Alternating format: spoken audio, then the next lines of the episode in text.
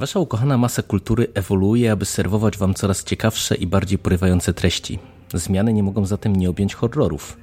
Nie zmieni się jedno i będziemy systematycznie polecać i prezentować różności z tego dość powszechnie pogardzanego gatunku. Ale dobrze słyszeliście, mówię my, bo możecie się spodziewać dużo częściej krótkich dyskusji, zaczynając od dziś, gdzie wespół z Michałem pogadamy o przebudzenie St Stephena Kinga. Zatem witam Cię, Michale. Cześć i witam ponownie wszystkich słuchaczy. Wybraliśmy sobie przebudzenie na, taki pierwszy nowy odcinek, ze względu na to, że wiem, że świeżo skończyłeś powieść, ale zanim przejdziemy do sedna, wypadałoby, ponieważ być może są słuchacze, którzy Stephena Kinga nie znają, opowiedzieć krótko o pisarzu i ceduję te honory na ciebie, Michale.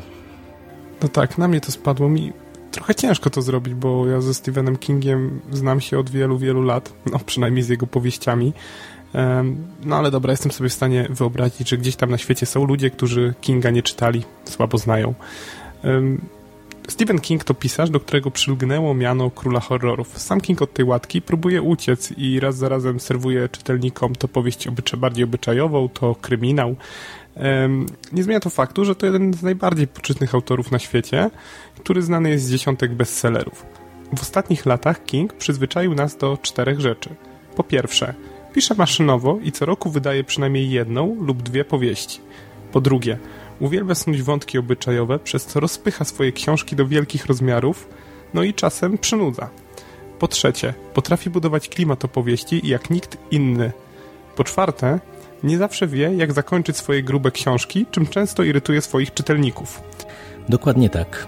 A Przebudzenie to powieść, której główny, głównym bohaterem jest Jamie Morton. Poznajemy go w wieku niespełna 6 lat, kiedy w jego rodzinnym mieście pojawia się nowy pastor, zafascynowany elektrycznością Charles Jacobs.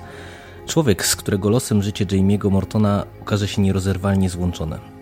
Początkowo pastor świetnie wpasowuje się w lokalną społeczność, ale ta sielanka zostaje szybko przerwana rodzinną tragedią, która doprowadza pastora do przewartościowania jego wiary.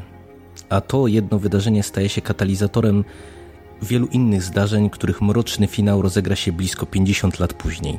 I choć to taki enigmatyczny dosyć opis, ja szczerze mówiąc wolałbym nie mówić więcej, żeby zbyt wiele tutaj czytelnikom, którzy jeszcze się z powieścią nie zapoznali, nie zdradzać.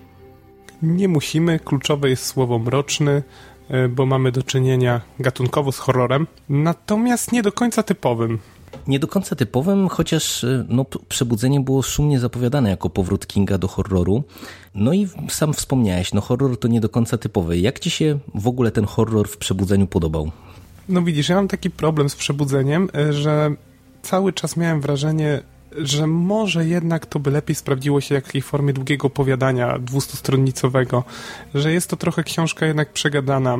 Ja powiem tak, ja się w pełni z tym zgadzam, bo ja się śmiałem nawet, że idę o zakład, że inny pisarz poza Kingiem z tej historii zrobiłby właśnie dokładnie opowiadanie.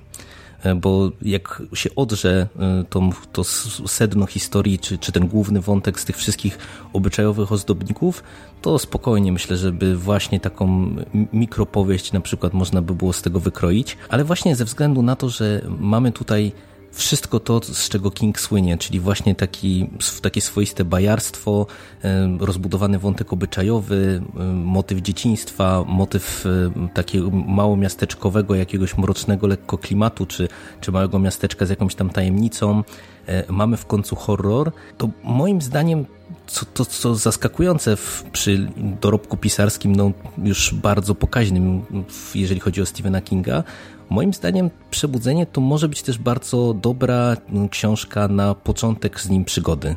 Ja, ja nie do końca bym się zgodził. Ja najbardziej lubię Kinga wtedy, kiedy on kreuje taką społeczność i coś wrzuca granat w tą społeczność. Przebudzenie już jest taką późniejszą książką Kinga, gdzie on opisuje jedną osobę, mm, gdzie u Kinga czuć już taki bardzo duży bardzo dużą tęsknotę za latami młodości. On lubi pisać po prostu obecnie o latach 60. E, mieliśmy to w Dallas, mamy to w Przebudzeniu, tak? On lubi cofać się w czasie, kiedy sam był młodszy. A nie ma tutaj tej społeczności, to jest to, co ja najbardziej u niego cenię i lubię. To są też takie jakby dwie właśnie rzeczy w jednym. Mamy tą powieść obyczajową, mamy horror, jednak moim zdaniem troszkę obok siebie stoją tutaj. Ja to lubię, jestem przyzwyczajony do Kinga, ale nie wiem, czy nowy czytelnik y, też by to tak lekko łyknął. Ale no widzisz, właśnie dlatego, że mamy tutaj i tego nowego, i tego starego Kinga, to właśnie wydaje mi się, że to jest mimo wszystko właśnie niezła książka e, na początek, bo ta książka ma wady i liczne zalety, jeżeli chodzi o Kinga. Podstawowe wady to jest właśnie to takie pewne przegadanie i, i, ten nadmiar wątków obyczajowych. On ma taką trochę, ma taki styl pisarstwa, który powoduje, że ten główny wątek gdzieś tam jest schowany, a liczą się takie jakieś małe opowieści, e, czasem właśnie jakieś obyczajowe, czasem trochę podszyte jakąś e, mrocznym klimatem. No, wydaje mi się, że tutaj e, o tyle jest to dobra też książka właśnie na początek, że gdzieś tam, jeżeli człowieka zmęczy ten, ten, ten taki obyczajowy sznyt, który tutaj przez sporą część powieści mimo wszystko jest, to myślę, że już powinno mu to dać troszkę jednak mimo wszystko do myślenia, jeżeli chodzi o, o inne powieści tego autora. No bo to mimo wszystko jest dla niego dosyć typowe, takie właśnie rozciąganie, rozciąganie tej historii, snucie takiej e, wielowątkowej opowieści, a z drugiej strony o tyle jest to inna powieść od na przykład niektórych jego ostatnich książek, że w moim odczuciu ona jest bardzo dobrze mimo wszystko rozplanowana. Nie ma czegoś takiego jak w niektórych ostatnich powieściach było, gdzie King ewidentnie dawał się po, tak porwać tej, te, temu snuciu tej opowieści i w zasadzie czasami czytelnik miał wrażenie, że właśnie to, co wspomniałaś, że nie ma pomysłu na zakończenie, bo, bo po prostu gdzieś ta historia go wyprowadziła na manowce i, i bardzo dobry punkt wyjścia, rozmył się totalnie w finale. Tym razem chyba się zgodzimy i tu nie ma co dyskutować. Zakończenie jest mocne, jest trafione. Yy, można nawet trochę o nim podyskutować, pomyśleć, co się stało. Oczywiście tego nie będziemy robić tutaj i teraz. E, polecam tylko, jeżeli chcecie więcej, jeżeli już przeczytaliście może tą książkę albo chcecie jeszcze dowiedzieć się o niej więcej, to ja polecam e, radio Stephen King, gdzie Jerry z Mando rozmawiają w całości właśnie o przebudzeniu. E, tam dowiecie się więcej na ten temat. Ja bym tylko jeszcze chciał krótko wspomnieć o wydaniu. Nie martwcie się, ono ma niby 500 stron, ale to jest książka napompowana. Po prostu są bardzo duża czcionka, bardzo duże akapity. Przez to czyta to się wygodnie. muszę przyznać, e, ale wygląda dużo grubsze niż jest w rzeczywistości. No i fantastyczna okładka, na którą możemy sobie zainstalować aplikację, na komórkę najechać komórką i coś się stanie. Jednym słowem, chyba możemy polecić. Ja też polecam, jeżeli lubicie dreszczyk, jeżeli znacie Stephena Kinga, sięgnijcie po przebudzenie, nie będziecie zawiedzeni.